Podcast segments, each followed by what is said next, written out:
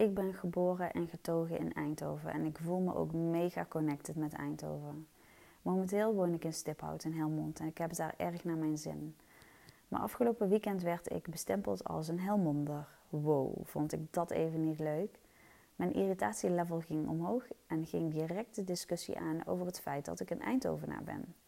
Het interessante hieraan is, wat zorgt ervoor dat mijn gevoel zo direct aanstaat als ik niet word bestempeld als Eindhovenaar? Bijzonder toch? Ik ben gaan nadenken, waar is dit nog meer bij? Voor een uitje met mijn werk zouden we misschien de Johan Cruijff Arena bezoeken. En ik heb een collega die PSV-fan is. En zij wilde echt onder geen beding naar Amsterdam toe.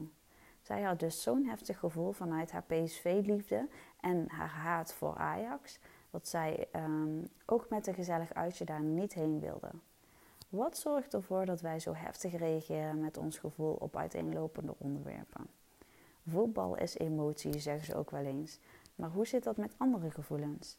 Ik heb wat artikelen gelezen en daar lees ik vaker het woord identificeren en herinneringen. Dus je identificeert jezelf en hebt herinneringen met de onderwerpen waarbij je met een hogere emotie reageert. Ik kan niet precies de vinger op de zere plek leggen, maar waar denken jullie dat het hem in zit?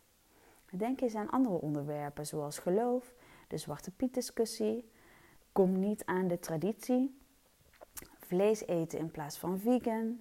En dan krijg je de opmerking: wij als oermens aten altijd al vlees en ga zo maar door. Kun je de keuze maken anders te reageren of overkomt de emotie?